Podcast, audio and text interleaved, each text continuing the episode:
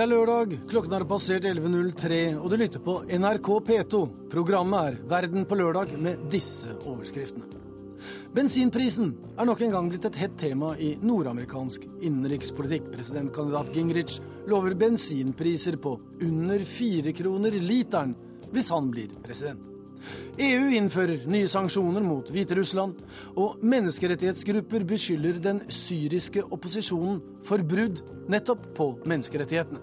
Stikkord for øvrig vold og terror i Mexico, president Karzai styrker nasjonalfølelsen i Afghanistan, Rwanda fra borgerkrig og terror til økonomisk vekst, og kvinnefrigjøring i Latin-Amerika er noe ganske annet enn retten til selvbestemt abort. Korrespondentbrevet i dag er poststemplet Colombia. Dette er Verden på lørdag.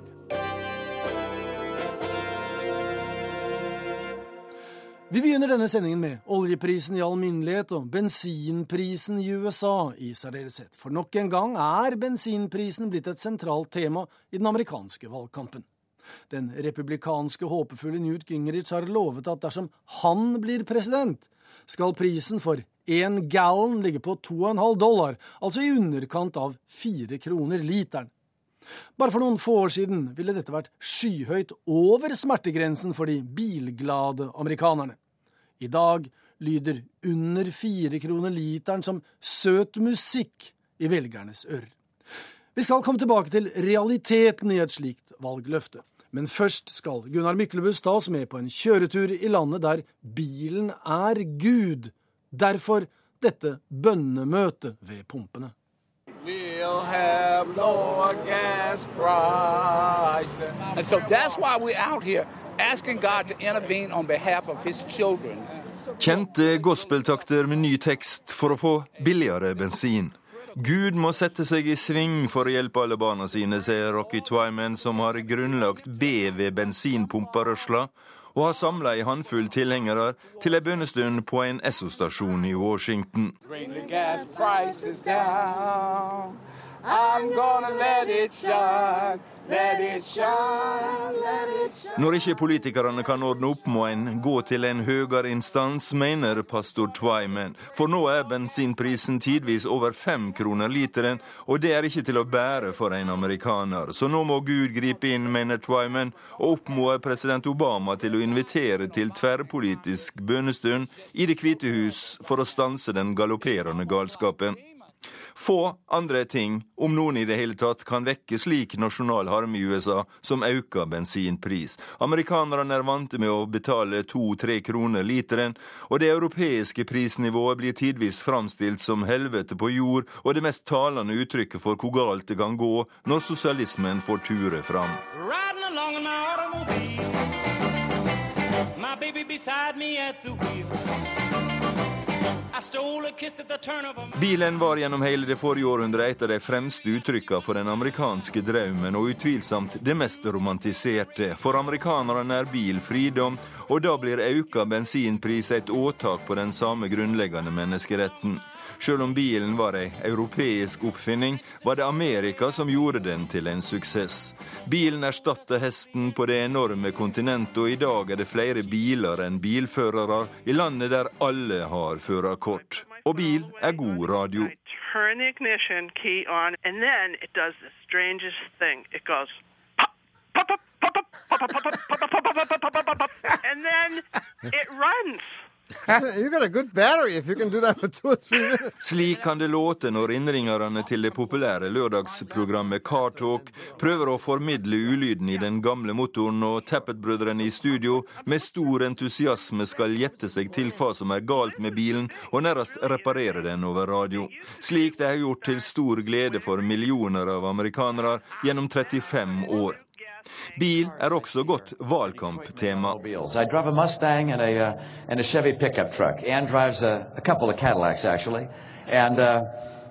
Men når Mitt Romney prøver å fri til bilentusiastene i Michigan, og han lister opp alle bilene han og kona har, for å vise at han støtter bilindustrien i Detroit, slår det fort tilbake på han i valgkampen. Da er han bare en sær riking uten bakkekontakt med det folk han vil ha stemmene til. Han burde i stedet tatt Obama for bensinprisen. Are you tired of high gas prices? I know I am, and it's damn time we did something about it. Slike rasende appeller er det amerikanske nettuniverset stint av. Folk som spyr ut eider og galle mot enhver som kan tenkes å ha makt og ansvar for at folk må betale en hel dollar for en liter bensin. The rest of the blame goes to the oil traders. Why? De skyldige er oljeselskaper og ubestemmelige konspirasjoner, og politikerne. Men mens pastor Twyman er lojal mot Obama og retter skytset sitt mot Kongressen, er det presidenten som er målet når republikanerne gjør drivstoffprisen til valgkampsak. Kynisk spiller de på oppfatninga om at presidenten kan ordne opp i alt, og dessuten brukte ikke Obama sjøl bensinprisen da han drev valgkamp for fire år siden og skulle illustrere hvor håpløs Bush styrte. because of the high price of gas. Just couldn't fill up his tank. Den gangen minner republikanerne om var bensinprisen 2,50 for literen. Med andre ord, Obama har dobla prisen. Da hjelper det lite at demokratene prøver å demonstrere fordelene ved en høy bensinpris.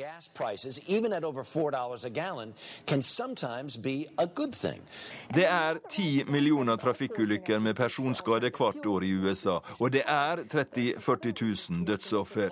Kostnaden ved å kunne cruise fritt på de amerikanske motorveiene og tilsynelatende verdt å betale.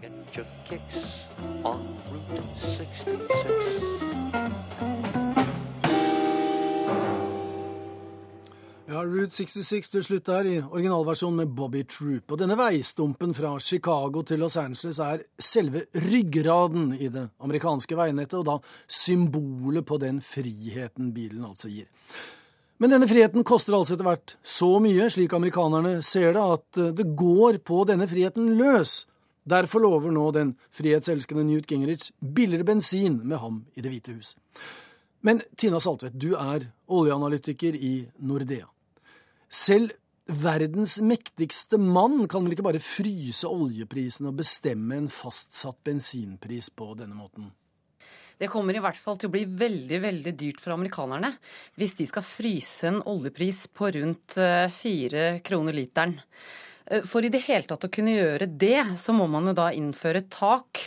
Og eh, den, den, delen av prisen på det internasjonale markedet som går over dette taket som amerikanerne da vil fryse den på, det må jo staten betale. Og med det store underskuddet de allerede har, så vil det være vanskelig å begynne med denne type tiltak. Ja, Så det vil bli at det blir veldig dyrt for forbrukerne å få en lav bensinpris? Det blir veldig dyrt for forbrukerne å få en lav bensinpris, og i hvert fall eh, en bensinpris som ligger langt under det eh, det internasjonale markedet selger bensin til. Det som forundrer meg litt, det er at amerikanerne, som vanligvis er veldig opptatt av markedsøkonomi og, og fri prisdannelse, at både kan foreslås, men samtidig så er det også da noen som åpenbart svelger dette, dette agnet. Eh, men altså, i virkelighetens verden så må vel disse, et slikt forslag også komme i konflikt med internasjonale regler, med WTO-traktater, og altså være konkurransevridende og dermed ulovlig? Jeg tror det største problemet med å innføre et sånt tiltak Vi har jo den type altså, subsidier av bensin, dieselpriser mange steder rundt i verden. Blant annet så har jo store oljeproduserende land, som i Midtøsten annet, de selger jo bensin til langt under det markedsprisen er. Kina f.eks. de har jo etter hvert begynt å endre litt på reglene sine. De er selgeren fremdeles under markedspris. Mange store land gjør det. Og utfordringen med det, det er jo nettopp det at når vi som forbrukere ikke betaler det som er markedsprisen, vi betaler langt under markedsprisen, så bruker vi også enda mer bensin og diesel enn det vi ellers ville gjort. For når prisene øker, da bremser det vårt forbruk automatisk. Men tilbake til dette med verdens mektigste mann. Hvis verdens mektigste mann f.eks. da sto opp og sa jeg lover at verken USA eller Israel noen gang kommer til å invadere Iran. Og dessuten, fra og med i morgen så skal eh, alternativ energi bli skolefag i alle USAs 50 stater. Ville det kunne påvirke en oljepris, altså psykologisk, for det er jo mye psykologi i dette her også? Prisene fra dagens nivå kan falle litt hvis uroen, med, som, altså uroen, mellom Iran på den ene siden og atomprogrammet de nå fører, og, og USA og Europa på den andre siden. For akkurat sånn som det er i dag, så ligger det en form for risikopremie, en ekstra pris vi betaler for oljen i dag, fordi vi er bekymret for at det kan bli lite olje på markedet fremover. Men likevel, hvis vi likevel fjerner denne prisen, så vil vi ikke være i nærheten av å nå en bensinpris på fire kroner kroner literen. Og det er jo utfordringen med denne type lovnader. Det er jo nettopp det at etterspørselen etter olje i verden, den fortsetter å øke. Og så er det problemer med å bygge ut tilbudet raskt nok. Altså man klarer ikke å produsere raskt nok eh, til å dekke dekke denne etterspørselen, slik at det blir mangel på kapasitet til å produsere det egentlig verden behøver.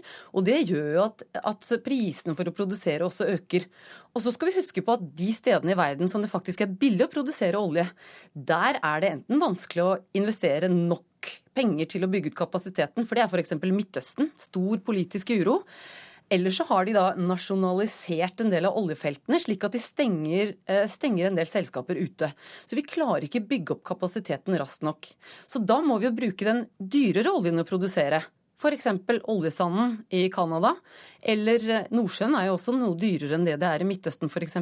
Og det gjør jo at den oljeprisen vi trenger for å det hele tatt sette i gang nye prosjekter, den er langt høyere enn fire kroner literen for bensinen. Siden dette er en stadig gjenganger i amerikansk politikk og amerikanske valgkamper altså, Nå skal ikke jeg be deg ta noen stilling her, men ville du ment at en mann som kom med et forslag om fire kroner literen, at han viser sviktende dømmekraft, at det ville svekke hans kandidatur? I hvert fall så virker det virker veldig ambisiøst i det hele tatt å kunne klare det, men jeg mener jo også at det virker urimelig å kunne anta at noe sånt skal komme til å skje. Å få en bensinpris eh, i USA alene på fire kroner literen, det ser jeg som særdeles vanskelig for amerikanerne å klare. Derfor så mener jeg at den, den type eh, hva skal vi kalle det, salgspropaganda, eller politisk propaganda, den, eh, den ville jeg ikke lyttet spesielt godt til. Jeg syns det er rart i det hele tatt at det slår an blant den amerikanske befolkningen. Takk for at du kom i studio, Tina Saltvedt, oljeanalytiker i Nordea.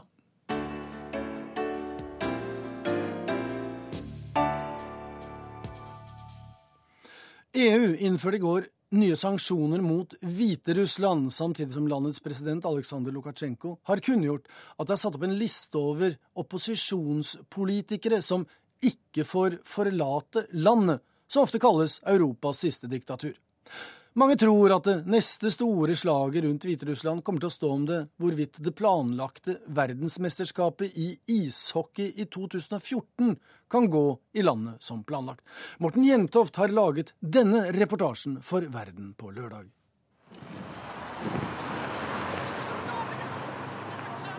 På Internasjonalnøyagaten i sentrum av den hviterussiske hovedstaden Minsk går livet tilsynelatende sin vante gang.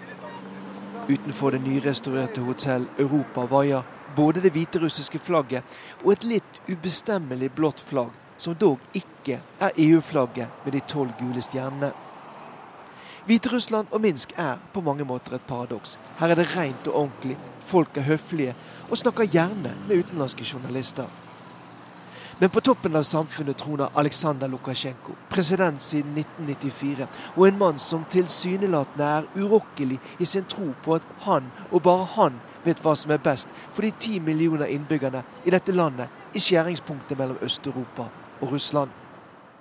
Спокойствие для людей в Норвегии это понимают и в Беларуси очень остро. Trygghet, ja det er det viktigste for folk både i Norge og Hviterussland, sa Aleksandr Lukasjenko da han møtte Norges ambassadør Jon Fredriksen i slutten av februar. Samtidig som han advarte om at nye sanksjoner mot Hviterussland ville føre til kraftige mottiltak. Og det er nettopp det som har skjedd. De siste ukene har forholdet mellom Hviterussland og EU forverret seg kraftig. Ord og mottiltak har avløst hverandre. We've been very clear uh. I går var det utenriksministermøte i EU med utenrikssjef Catherine Ashton i spissen, som kunngjorde at tolv nye hviterussiske tjenestemenn og forretningsmenn med bånd til Lukasjenko nå nektes innreise, samtidig som det legges restriksjoner på hviterussiske firmas virksomhet i Europa. Alt dette skjer fordi EU mener Lukasjenko undertrykker opposisjonen i landet på en måte som var uhørt i Europa i 2012. Aleksandr Lukasjenkos svar på sanksjonene er å nekte landets opposisjonspolitikere å reise ut av landet. En av dem er Hviterusslands første leder etter selvstendigheten i 1991, Stanislav Susjkevitsj. Han tilhører en gruppe av femtekolonister som undergraver sitt eget folk ved å gi opplysninger til fremmede makter om hvem som skal nektes innreise til EU, sa han tydelig rasende Lukasjenko i Moskva på onsdag. А мы сделали э, в како... og det er neppe tvil om at det som har skjedd denne uken, har ført Aleksandr Lukasjenko og den hviterussiske ledelsen nærmere Russland, selv om det er en offentlig hemmelighet at forholdet mellom Lukasjenko og Russlands sterke mann, påtroppende president Vladimir Putin, ikke alltid har vært det beste.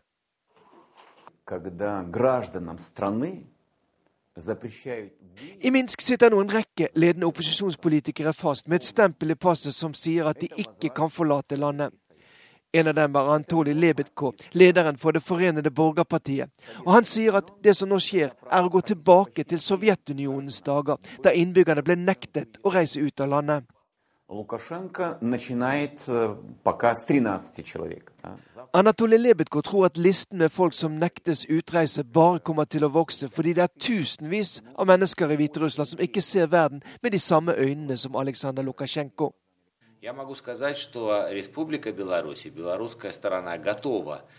I det hviterussiske utenriksdepartementet treffer jeg pressetalsmann Andrej Savinyk, som oftere og oftere har fått den utakknemlige oppgaven å forsvare den kontroversielle Aleksandr Lukasjenkos politikk.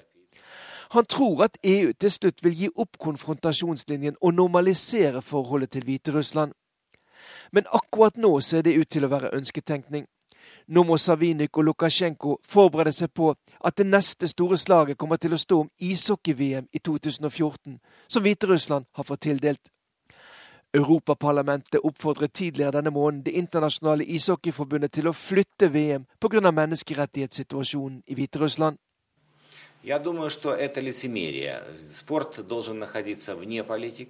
Det vil være helt galt å blande politikk og sport på denne måten, sier Andrej Savinyk, talsmann for det hviterussiske utenriksdepartementet til NRK. Men for de meget sportsinteresserte hviterusserne med president Lukasjenko i spissen, kan det kanskje bli nettopp denne saken som gjør at de til slutt gir etter for presset og letter på undertrykkelsen av opposisjonen i landet. Og Norge kommer til å slutte seg til de nye sanksjonene som EU innførte i går, sier kommunikasjonsrådgiver Svein Mikkelsen til NRK. Reporter her var altså Morten Jentoft. Nå Syria. Den væpnede opposisjonen i landet blir nemlig av menneskerettighetsorganisasjonen Human Rights Watch beskyldt for å begå alvorlige overgrep og bryte menneskerettighetene. Det dreier seg om kidnappinger, tortur og henrettelser. En reaksjon på volden vi er blitt utsatt for i over et år, sier en syrisk opposisjonsleder til Verden på lørdag. طبعا آه، اللي صاير اني حتى الجيش الحر Ahmed Barbour kommer fra Latakia, en syrisk by ved middelhavskysten. Han har en kule i beinet, skutt av president Bashar al-Assads sikkerhetsstyrker. Vi treffer ham i Kairo, hvor han har søkt tilflukt. Her er han talsmann for gruppen som har satt opp et telt på Tahrir-plassen like ved inngangen til Den arabiske liga. På veggene henger det bilder av mishandlede og døde mennesker etter oppstanden i Syria. Men i en rapport som ble utgitt av Human Rights Watch denne uken, beskyldes også den væpnede delen av opposisjonen for å ha begått overgrep i en konflikt som har blitt markant mer voldelig de siste månedene. Barbour sier at Free Syria Army driver forsvarskamp. De angriper ikke. Når de opplever handlingene til regjeringsstyrkene, så kommer en reaksjon. Hvis du blir kidnappet eller drept, så må du svare med samme mynt for å vise at du eksisterer men til nå dreier det seg bare om forsvarskamp, understreker han. Human Rights Watch har dokumentert flere grove enkeltepisoder og har ønsket at opposisjonsbevegelsen offisielt tar avstand fra dette. En slik avstandstagen har de ennå ikke fått, forteller Ola Eistein Solvang, etterforsker hos Human Rights Watch, som for tiden oppholder seg på grensen mellom Tyrkia og Syria. Reaksjonen er som forventa ganske forskjellig. Det er noen opposisjonsledere som anerkjenner at, at det er eh, noen problemer, at det, er, eh, at det har blitt begått overgrep. Eh, andre er litt, mer, litt, litt, litt mindre villige til å anerkjenne dette og, og, og mener og påstår at det vi har sagt ikke medfører riktighet. Menneskerettighetsorganisasjonen sier de baserer rapporten sin på intervjuer med førstehåndsvitner og ofre, noen steder også på videoer lastet opp på YouTube. De har selv ikke adgang til syrisk territorium. Men det dreier seg ikke om å sette regjeringsstyrkene og opposisjonen på like fot. Det er helt klart at man kan ikke sammenligne de overgrep som har blitt begått av myndighetene, og de overgrep som har blitt begått av enkelte opposisjonsgrupper. Opposisjonen i Syria er splittet, og det finnes ikke noen enhetlig kommandostruktur. Det gjør situasjonen uoversiktlig. Den begynte med fredelige demonstrasjoner, men nå mener mange i opposisjonen at de er uten effekt blant dem Ahmed Barbour, som sier at hadde han visst at verdenssamfunnet bare ville sittet og se på at folk ble drept, så hadde han i stedet tatt til våpen med en gang. Solvang er bekymret for utviklingen. Altså, for ett år siden, når eh, folk i Syria eh, gikk ut på gata, så var det jo for å få slutt på overgrep eh, fra Assad-regimet. Eh, og, og, så Sånn sett så er det utrolig viktig at eh, opposisjonen prioriterer dette her. Eh, slik at man ikke eh, ender opp med å bytte ut ett eh, overgrepsregime med et annet. Dette her er noe som må tas tak i helt fra starten, slik at man kan få en slutt på de overgrepene som har, som har plaga Syria i mange, mange år. Det sa Ole Solvang i Human Rights Watch til vår reporter Sigurd Falkenberg Mikkelsen. Da skal vi til Mexico og møte et ektepar som har opplevd alle foreldres og familiers mareritt. Sønnen Moises på 24 år ble kidnappet for over to år siden. Etter det har de ikke hørt noe fra ham. Minst 20 000 er kidnappet og 50 000 er drept i Mexico siden president Felipe Calderón gikk til krig mot de mektige narkotikakartellene for seks år siden. Senor. Te pedimos que regresen nuestros hijos, Señor. Hver dag stopper de ved det provisoriske husalteret i stua og ber. De ber om at sønnen Moises og hans tre venner som ble kidnappet, skal komme tilbake i live. På bordet er det et bilde av sønnen og de tre andre guttene. Carmen Almanza og Guillermo Games er et ektepar i 20-årene som bor i byen San Luis Potosi, noen times kjøring nord for hovedstaden Mexico by. Guttene forsvant etter at de hadde vært på en fest. Etter noen dager ringte kidnapperne og ba om penger. Vi hadde ikke den summen de ba om, men vi klarte å samle inn rundt 40 000 kroner, forteller Carmen. De dro og møtte kidnapperne på et avtalt sted og leverte pengene. Men de fikk ikke vite hvor de kunne hente sønnen. De fikk beskjed om at de skulle bli kontaktet seinere, men hørte aldri mer fra dem. Fortvilelsen er bunnløs no sé, no sé cómo describirlo. Sí, porque es una cosa que, que duele mucho. Det er en smerte jeg ikke kan beskrive, som kommer dypt innenfra. Som mor har jeg ikke ord for å forklare hvordan det føles at de har tatt sønnen min, sier Carmen, mens tårene renner. Mexicanas y mexicanos. President Felipe Calderón gikk i 2006 til krig mot de mektige narkokartellene, som bl.a.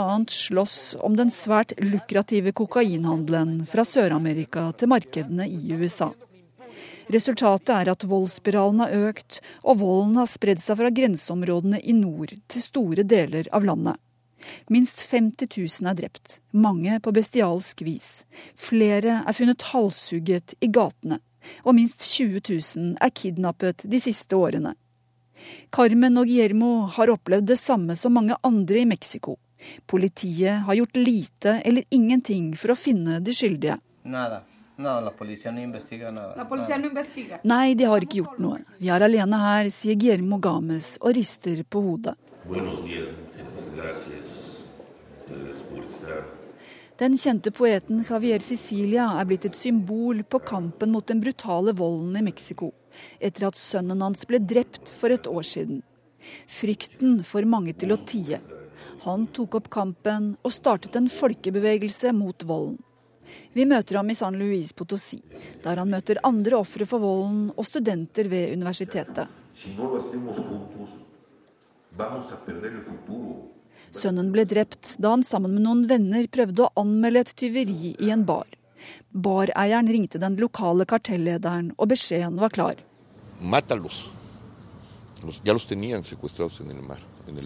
Drep dem! Guttene ble holdt som gisler i baren. Bareieren sa nei.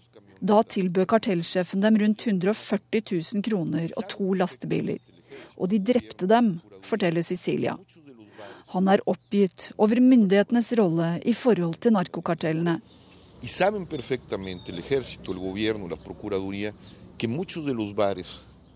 De vet godt, både i hæren, regjeringa og i rettsvesenet, at mange barer i det området er kontrollert av kartellene. De lar dem holde på ustraffet. Min sønns død er resultatet av manglende sikkerhet i dette landet, sier Cecilia fortvilet. Og få eller ingen blir dømt for ugjerningene. Bare rundt 1-2% av overgrepene blir etterforsket, ifølge Sicilia. Flere rapporter fra bl.a. menneskerettighetsorganisasjoner viser at både politiet og rettsvesenet i mange delstater har nære bånd til kartellene. Sicilia er svært kritisk til president Felipe Calderons politikk overfor kartellene. Pues una situación que hemos definido como emergencia nacional. Det er en situasjon jeg vil beskrive som en nasjonal unntakstilstand. Det er et land i krig, en krig som president Felipe Calderón startet. Dette er et ødelagt land uten rettssikkerhet, sier Cecilia. Som mener det viktigste myndighetene kan gjøre for å få en slutt på volden, er å straffeforfølge de kriminelle og de korrupte innenfor statssystemene som har nære forbindelser til kartellene. Imens håper Carmen og Guillermo at sønnen og de tre andre guttene skal komme tilbake. Jeg ber for alle fire, ikke bare for én. Jeg ber om at de må komme tilbake i live. Og hvis de er døde, må vi få tilbake kroppene. For de må få en kristen begravelse, sier Carmen. Og Carmen ble intervjuet i Mexico av Inger Marit Kolstad Bråten. Så til Afghanistan, som stadig blir tråkket på av fremmede. Det var påstanden. Og et av innledningsspørsmålene var hvorfor det? Da president Hamid Karzai talte til flere hundre fremtidige offiserer ved Afghanistans øverste militærakademi denne uken. Anledningen var utdeling av vitnemål og medaljer etter fire års utdannelse. Vår reporter Gro Holm var også til stede og det hele startet med resitasjon fra Koranen. Allahu akbar, De var der alle sammen. Forsvarsministeren, forsvarssjefen, representanter for det minimalistiske flyvåpenet, representanter for de internasjonale ISAF-styrkene, flere hundre offiserstudenter og dagens hovedpersoner, de nettopp uteksaminerte offiserene. Etter to timers venting i den gedigne hangaren kom endelig sjefen, president Hamid Karzai.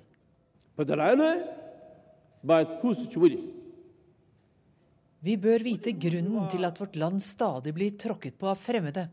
Hvorfor angrep Russland vårt land? Hvorfor startet vårt folk å kjempe mot hverandre etter Russlands invasjon og nederlag? Hvorfor klarte våre naboer å blande seg inn? Hvorfor er Afghanistan i det hele tatt avhengig av utlendinger i dag? spør landets president, der han står høyt hevet over studentene, rett under et gedigent portrett av seg selv. Svaret gir han også selv. Vi er for dårlig utdannet, vi tar ikke vare på talentene, vi mangler den nødvendige teknologien. Men utdanning er nøkkelen, og dere er vår framtid, sier presidenten, men han er ikke ferdig med historien ennå. صاحب عظمت تاریخی ما Vårt land har en stolt historie. Ingen av dem som har forsøkt å måle styrke med oss, har unngått nederlag. Ingen av verdens stormakter har slått oss. Presidenten har selvsagt rett. Mang en utenlandsk soldatstøvel har tråkket langs støvete stier og veier. Mange fly har sluppet sine dødelige laster, men ingen har klart å tvinge landet i kne gjennom okkupasjon. Dette er nok kjernen i den afghanske nasjonalfølelsen. I den grad afghanerne føler lojalitet til staten, og ikke til klanen eller folkegruppen. Karzai fortsatte i samme ånd med en undertone av et innbitt ønske om en gang å kunne bestemme helt og fullt i eget land. Det kan han ikke nå. Han nevnte selv i talen til offiserene at Nato vil bidra med 4,1 milliarder dollar i året for at Afghanistans styrker skal klare oppgaven med å forsvare landet når de fleste utlendingene drar i 2014. Pengene skal gå til alt fra lønninger til radarer og luftforsvar. Så sier han noe som får meg til å spisse ørene. Foran flere hundre unge offiserspirer går han rett inn i storpolitikken og sin høyst personlige balansegang mellom avhengighet og ønske om løsrivelse fra sine velgjørere i Nato. Agar NATO, og ja, Amerika, hvis Nato og Amerika ikke gir oss fly, vil bidraget på 4,1 milliarder dollar da hindre oss i å kjøpe fra andre land. Hvis vi f.eks. ønsker å kjøpe fly fra India, Russland, Iran eller Pakistan eller Ukraina, vil pengene til soldatlønninger fortsette å komme fra Nato. Den afghanske presidenten står altså der og antyder frykt for at Nato vil straffe Afghanistan om ikke landet kjøper fly fra USA eller Europa. Kanskje har han sine grunner, men på kort sikt kan han ingenting gjøre med den brysomme avhengigheten. Før utdelingen av plaketter og sverd til studentene avslutter Karzai med en formaning. Dere vil være Afghanistans sønner i hæren. Bare Afghanistans. Dere representerer ikke en provins eller stamme, ikke en språkgruppe eller et parti. Dere vil være Afghanistans sønner. Det er mye bedre enn provins, språk og stamme.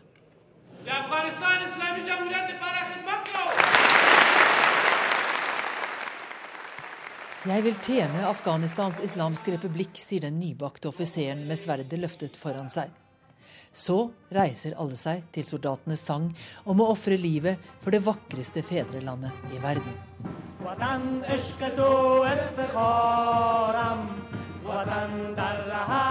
نثارم وطن عشق تو افتخارم.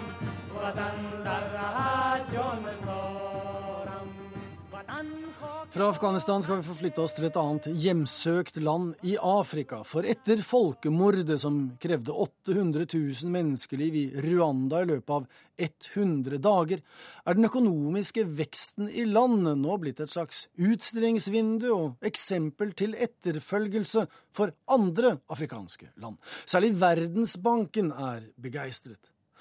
At det er så som så med demokrati, ytrings- og pressefrihet i Rwanda, kommer i skyggen når stadig flere rwandere løftes ut av fattigdom. Vår Afrikakorrespondent Lars Sigurd Sunnano har besøkt hovedstaden Kigali. Grossistmarkedet i Rwandas hovedstad Kigali. Her fylles lastebil etter lastebil med sukker, såpe, ris, matolje og alt som ellers må til når tusenvis av småforretninger utover i landet skal ha sin forsyning. Det er en økonomi i vedvarende fremgang vi er vitne til. Stadig flere av nasjonens ti millioner innbyggere kjemper seg nå ut av fattigdommen. Sjauingen går så svetten siler. Det er langt mellom pausene for de mange hundre som har jobbene sine her. Det er et hardt liv, sier Ojamahoro Jang Baptist. Men det skaffer oss noe å spise, selv om vi ikke klarer det hver eneste dag. I sentrum av Kigali er det ikke mye som minner om borgerkrigen og folkemordet som la Rwanda i ruiner for 18 år siden. Det ene forretningsbygget etter det andre skyter i været. Og bybildet er ganske forskjellig fra det en kan oppleve i mange andre afrikanske hovedsteder. Gater og veier er uten hull i asfalten. Det er ryddig overalt. Søppel er ikke slengt i hytt og vær. Trafikken er velordnet. Fotgjengeroverganger, og signallys respekteres. Ikke en eneste motorsyklist uten hjelm er å se. Rwanda har satset på trafikksikkerhet. Sviende bøter venter dem som ikke følger regelverket. Men det er fremfor alt økonomisk vekst som prioriteres. Landet har nå en veksttakt som vekker internasjonal begeistring, ikke minst i Verdensbanken. Analytically, uh, based lifted themselves out of poverty within the same five-year period. That's significant. I løpet av de siste fem årene har én million rwandere klart å løfte seg over fattigdomsgrensen, sier bankens visepresident for Afrika, Obiageli Esekweseli. Det er betydningsfullt, sier hun. Selv om halvparten av Rwandas ti millioner innbyggere fortsatt lever under den internasjonale fattigdomsgrensen, dvs. Si at hver og en av dem må klare seg med mindre enn sju kroner dagen, er den økonomiske veksten i landet blitt et slags utstillingsvindu for Verdensbanken. Parlamentarikere fra 37 afrikanske land har i det siste vært trommet sammen i Kigali for å bli informert om virkemidlene som president Paul Kagame og hans regjering har tatt i bruk. I Næringsdirektoratet Rwanda Development Board hadde avdelingsdirektør Uber Rutsihitsa denne forklaringen på fremgangen. Leadership is key. Uh, you know, without strong leadership, even if we have the vision, this wouldn't happen. Nøkkelen er lederskap, sier Rutsihitsa. Uten et sterkt lederskap hjelper det ikke å ha visjoner om økonomisk fremgang. Men etter borgerkrigen har Rwanda hatt begge deler. Og det er grunnen til at vi er kommet så langt som vi er, sier han.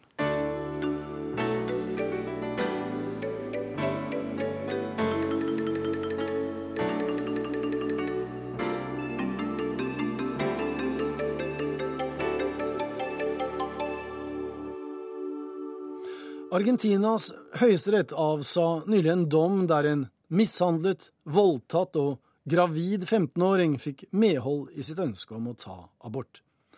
I de fleste latinamerikanske land er dette ingen selvfølge, og domsavsigelsen er blitt kraftig kritisert. For selv om kvinnens rettigheter er på fremmarsj i Latin-Amerika, er retten til selvbestemt abort nærmest et ikke-tema. Delvis på grunn av kvinnesynet på kontinentet, noe Arnt Stefansen har sett nærmere på.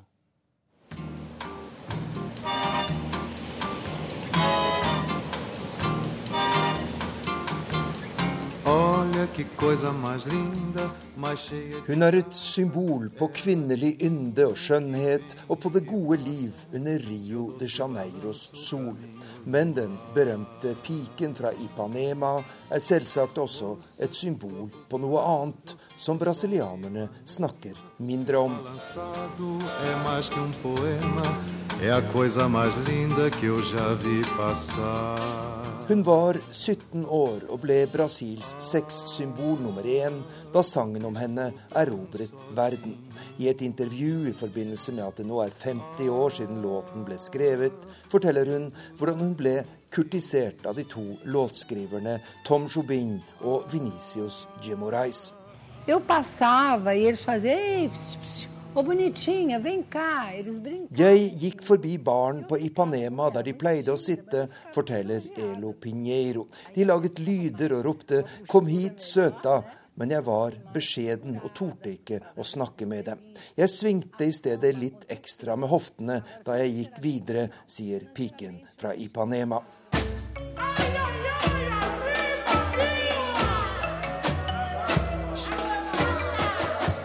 Brasil er fortsatt machokulturens verden, og Rio de Janeiros berømte karneval overgår det aller meste når det gjelder sex og kroppsfiksering. Når sambaskolenes skjønnheter danser ut kun iført en liten klatt med kroppsmaling, så er det ikke lett å finne på noe nytt som sjokkerer.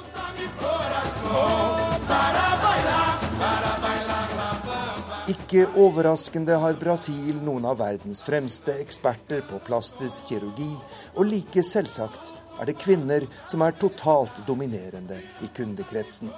I macholand er ingen pris for høy når det gjelder å tekkes mannen. Men det er ett inngrep som høster storm. Ikke bare i Brasil, men over hele Latin-Amerika. Yo aborté y soy la profesora universitaria que habla de. Yo aborté y soy la kiosquera que conoce tu marca. En argentinsk kampanje for fri abort gir stemme til de mer enn fire millioner kvinnene som hvert år tar ulovlig abort i Latin-Amerika. Innenfor loven er adgangen til å avbryte svangerskapet svært begrenset, og ingen steder i verden utføres det flere ulovlige aborter. 31 for hver 1000 som blir gravid. Den profilerte aborttilhengeren og antropologen Rita Segato mener det er kombinasjonen av machokultur og kirkens makt som gjør at motstand mot abort er så sterk i denne delen av verden.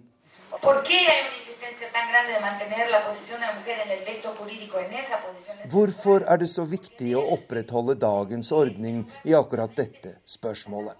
Jo, fordi kvinnens rett til å bestemme over sin egen kropp truer noen av de sterkeste kreftene i Latin-Amerika. Machokulturen og den katolske kirken, som jo ofte er to sider av samme sak. Den voldsomme motstand mot abort handler først og fremst om makt og innflytelse. Respekten for det ufødte liv kommer i annen rekke, mener den kjente aborttilhengeren. Tu cuerpo no es del Estado, ni condenado, ni encadenado. Es tuyo y de nadie más. I over 20 år har kvinner over hele Latin-Amerika hatt en årlig aksjonsdag for fri abort. Men resultatet er ytterst magert. For i dag er det bare ett eneste land i regionen, nemlig Cuba, som gir kvinnen full selvbestemmelse i dette spørsmålet. De fleste land har et lovfestet forbud mot abort, men gjør unntak i ekstreme tilfeller, som når kvinnens liv er i fare, eller i forbindelse med voldtekt. I noen få land, som Chile, Honduras og Nicaragua, gjøres det ingen unntak fra abortforbudet. Vi hører at Arnt Stefansen sier at eh, mye har skjedd, men at mye fremdeles er ugjort. Det er viktig å presisere at vi her snakker om et helt kontinent, og at en generalisering kan være urettferdig både for enkelte temaer, land og miljøer, men altså generelt. I Latin-Amerika er det en gryende debatt og bevissthet når det gjelder kvinners rettigheter. Men hva selvbestemt abort angår, så skjer det så lite at disse to ellers så uatskillelige temaene nærmest må vurderes hver for seg. Og Benedicte Bull, du er førsteamanuensis ved Senter for utvikling og miljø ved Universitetet i Oslo. Er det slik? Ja, det tror jeg man må skille. fordi det har jo skjedd veldig mye når det gjelder kvinners utdanning, eh, deltakelse i arbeidslivet og ikke minst i det politiske liv eh, de siste årene. Men på abortspørsmålet, så når det gjelder det, så skjer det ganske lite. Og undersøkelser viser jo også at kvinner er ikke nødvendigvis noe mer positive til, til å liberalisere abortlovene enn menn. Det er veldig varierende. Så jeg tror man må skille de to tingene. Og abortspørsmålet har helt helt klart sammenheng med altså religionens betydning, kirkenes betydning i, eh, i Latin-Amerika. Den katolske kirke og andre kirkesamfunn? Ja, eh, det er jo veldig ofte den katolske kirken som fronter eh, altså fullstendig eh, anti-abortsyn. Og da er det gjerne de, de, mennene som sitter på toppen av, av, eh, kirkene. Men hvis du ser på undersøkelser av befolkningen generelt, og av katolikkene, så er det en ganske stor bevegelse i forhold til mer liberale holdninger når det gjelder skilsmisse og abort. Men så har du det som er kommet de siste kanskje 20 årene, og det er styrken til de evangeliske, eh, veldig konservative kirkene. Og der har du en, generelt sett en knallsteil eh, holdning til abortspørsmålet, og også skilsmisse i mange tilfeller. Du, du, nevnte at kvinner ikke nødvendigvis er mer positive i anførsel til, til, abort enn hva menn er. Det som forundrer oss når vi kommer med en, en, et norsk tankesett, det er jo også at venstresiden er ikke nødvendigvis heller noe mer eh, positivt innstilt til selvbestemt abort enn hva mer konservative er. Nei, det er jo ganske overraskende. Det har jo vist seg flere ganger at eh, både høyreorienterte og venstreorienterte regjeringer har på en måte unnlatt å gjøre noe med eh, strenge abortlover eller mangel på abortlover. Og ofte så ser man jo at det er et spørsmål da som kanskje havner i politiske hestehandler, sånn som det har gjort i, i Nicaragua, hvor man, eller hvor man unnlater å gjøre noe med det for å ikke ikke mm, skaffe seg unødvendige fiender på høyresiden innenfor venstrepartiene. Men så har du jo selvfølgelig også et eh, regime som det på Cuba, som har eh, liberalisert for lenge siden, og som har gått veldig mye lenger enn noe annet land i Latin-Amerika. Nå har det vært kvinnelige presidenter i, i, ledende land som Argentina, Brasil og Chile, og da med en viktig presidentkandidat i, i, kvinnelig presidentkandidat i, i Mexico. Det at man har slike forbilder og, og rollemodeller, påvirker det debatten og, og gir det noen effekt når det gjelder eh, kvinners rettigheter? Ja, det tror jeg. Eh, det at man har fått kvinnelige presidenter i så mange land, tror jeg har sammenheng med flere ting. Men ikke minst da at det finnes faktisk veldig mange høyt utdannede kvinner i viktige posisjoner i arbeidslivet. Eh, innenfor en høyere middelklasse.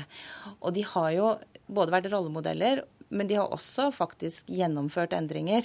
Cristina eh, Fernandes i Argentina prøvde å gjennomføre en endring i abortloven, men det ble stoppet i Kongressen.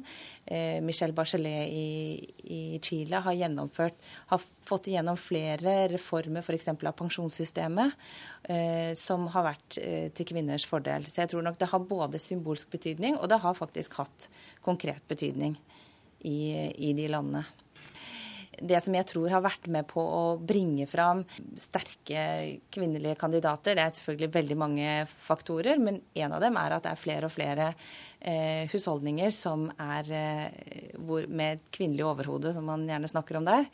Eh, for, altså, familiemønsteret har endret seg enormt i Latin-Amerika, og man har en illusjon om den katolske kjernefamilien, men det er i mange land en illusjon. Det er en stor grad av, av eh, folk som kanskje ikke har mulighet til å skilles, men som går fra hverandre. Og kvinnene styrer hjemmet, og de styrer økonomien.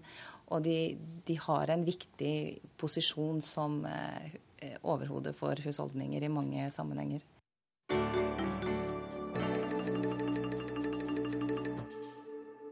Og nå korrespondentbrevet, postlagt i Colombia, et land som iallfall tidligere har vært assosiert med både kokainkarteller og geriljagrupper.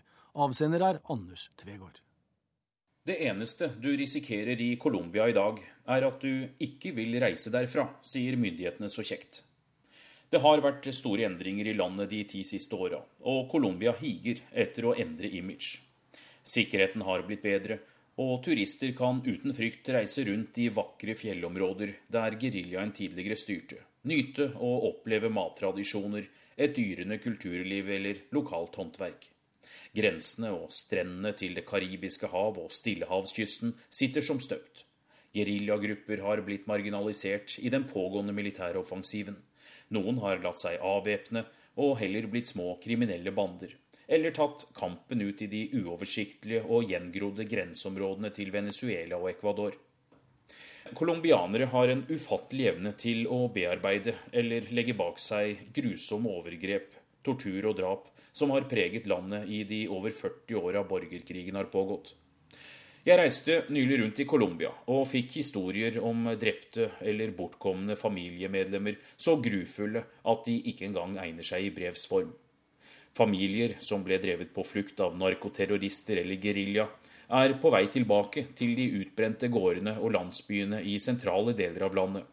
Antall internflyktninger er på retur, og arbeidet med å jobbe seg nedover lista over land med flest landminer er godt i gang. Konflikten ser ut til å være på hell. Forsoningen har så vidt startet, og mange tør snakke med naboene igjen uten å være engstelige for å bli angitt. Turister ser lite av sårene på overflaten. Er dette trygt, da? Det er dunkel belysning, og leirbålet er ennå ikke fyrt opp. Insekter og frosker har startet korøvelsene i regnskogen. Jeg sitter på kne overfor en indianer. Seremonimesteren Gaelo venter bare på å føre pinnen mot neseborene mine. Det er et hult rør, et fuglebein. Han sitter klar med en pulverblanding av knuste jaromoblader og jungeltobakk. De kaller naturproduktet rapé. Det skal rense meg før jeg skal komme i nærkontakt med naturen. Bare en liten dose, sier guiden til seremonimesteren. Jeg er nummer fire i rekken av gringos på besøk hos Yukona og Huitoto-stammen i Amazonas. Etter rapeen, noen tårer i øynene og et lettere hosteanfall, fisker han opp et grønt pulver fra en plastbolle. Mambe skal bl.a. holde slanger unna. Det har medisinsk effekt. Pulveret, knuste kokablader, brukes som snus. I over- og underleppa. Det er vanskelig å prate uten å sikle. Dette er tradisjon i Amazonas, og gjester bør ikke reservere seg mot naturproduktene. Etter det seremonielle kan vi gå inn i Malokaen, der stammens eldste venter. Han er barbeint. Vi har knehøye gummistøvler på. I Malokaen står to menn og dunker en stamme i et trau. De skal lage mer mambe. Det skal nemlig være stor fest dagen etter. Alle som hører trommingen, er invitert til å bli grønne på tunga og få rapé blåst inn i nesa. Gjestene, altså oss, som skal sove i hengekøyene på Hemsen, kan ikke forsinke forberedelsene. Tromming og sang går høylytt til langt ut på morgenkvisten. Hvert eneste tre som er brukt i konstruksjonen av Malokaen, har blitt spurt om tillatelse til å bli felt. Hvis ikke ville bygget rast, forteller den eldste. Jeg spør hvordan de tolker at et tre sier ja til å bli hugget. Han forklarer at det er noe de blir enige om i fellesskap etter nok mambe. Samme prosedyre før de skal på jakt. Renselse og mambe, menn rundt bålet, dyrene som viser seg på jakta, har godtatt å bli skutt. Indianerstammen har flyktet sørover i Colombia og er nå i regnskogen nær Brasil og Peru. Geriljaen kom dit de bodde før. Som i en bisetning blir det nevnt at barna deres ble tvangsrekruttert eller fikk løfter om enkle penger, billigere enn utdanning. Nå har også geriljaen tatt narkotikaproduksjonen ute i jungelen. Små lunger i regnskogen hogges ned for å dyrke coca. Bladene kan høstes fem ganger i året, og resultatet sniffes hjemme. Indianerne forteller om laboratorier i nærområdet, som tar den kjemiske prosessen fra coca til kokain. Laboratoriene er skjult med plastduker, slik at fly ikke ser hva som foregår på bakken. Urbefolkningen får tilbud om å samarbeide, bli utslettet eller flykte. Mer nådeløst er det på Stillehavskysten. Et stereoanlegg pumper ut polkamusikk på markedsplassen i Tomaco. Det er visesanger om narkotikaindustrien, kalt narcocorridos. Populærmusikk som rettferdiggjør hvorfor noen velger å selge eller smugle dop. Det er i denne kystbyen Colombias narkotikakrig utspiller seg nå. En råtten fiskestank er det første som møter deg. Så nervøse blikk. Ingen vet hvem de kan stole på.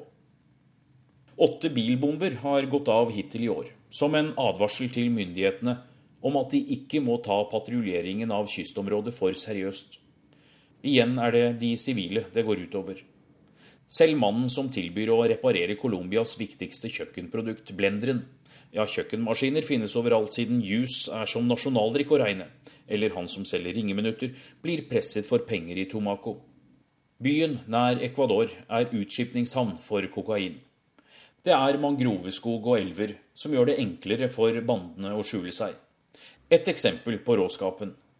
En bonde nektet å sende et esel stappet med bomber til en militærbase i byen. Geriljaen, som nå får mesteparten av inntektene fra narkotikatrafikken, kvitterte med grov tortur. Munnen hans ble sydd igjen med ståltråd. En enke forteller om lemlesting med motorsag for å få familien til å selge gården de bodde på. Familien ville ikke dyrke coca på eiendommen. Er du på geriljaens side, ses du på som legitimt mål for den andre. Tomako kunne ha vært et stillehavsparadis. Nå er ingen ute etter mørkets frambrudd. Det var på et slags vis godt og forfriskende å komme seg til San Carlos i det sentrale Colombia. Ikke bare fordi gatemusikantene igjen var på plass i den lille fjellandsbyen utenfor Medellin, eller fordi det var liv på plazaen rundt midnatt. Mafiaen og narkoterroristene hadde også forduftet. Damene brukte igjen ansiktssminke i knallsterke farger. San Carlos fikk Colombias fredspris i fjor for arbeidet med forsoning etter den blodige narkotikakrigen. For ti år siden var det ikke mulig å være her. 20 000, eller 80% av innbyggerne, rømte. Det er egentlig dette som er poenget med hele fortellingen. Et bilde av det nye Colombia. Framskrittene. Evnen til å glemme, la livet gå videre, tilgi. Pastora Mira er et forbilde. Hennes mann og to barn ble drept da kokainfinansierte grupper kriget om kontrollen over kommunen. Nå driver menneskerettsadvokaten et fredssenter i byen der overgripere og de gjenlevende møter hverandre for å forstå handlingene, bearbeide traumene, bygge tillit igjen etter de 33 massakrene som rammet landsbyen fram til 2005. Alle i lille San Carlos kjenner et offer eller en drapsmann. Pastora forteller om kvelden hun tok med seg hjem en syk tenåring fra gata. Hun pakket ham inn i senga, ringte legen og fikk gitt ham medisiner. Da gutten kom til seg selv igjen, lot han merke til et bilde på veggen i stua. Forskrekket sa han, 'Kjenner du ham? Hvorfor har du bilde av han der?' 'Han drepte vi forrige uke.' For Pastora var det terapi å møte sønnens drapsmann. Hun fikk svar, og forsto at sønnen ikke hadde gjort noe galt. Han kom bare i veien for dem som måtte begå forbrytelser for å bli tatt opp av bandene. Hun følte hun kunne ta seg av den bortkomne ungdommen, få ham på rett kjøl etter den kaldblodige og uforståelige handlingen. Men oppturen ble kort. Også han ble likvidert få uker etter episoden hjemme hos pastor Amira, fordi han ville bryte ut av gjengene.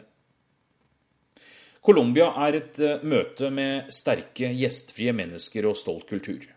Landet har vært borte fra nyhetsbildet, kanskje fordi konflikten har pågått så lenge og blitt sett på som en lavintensitetskrig.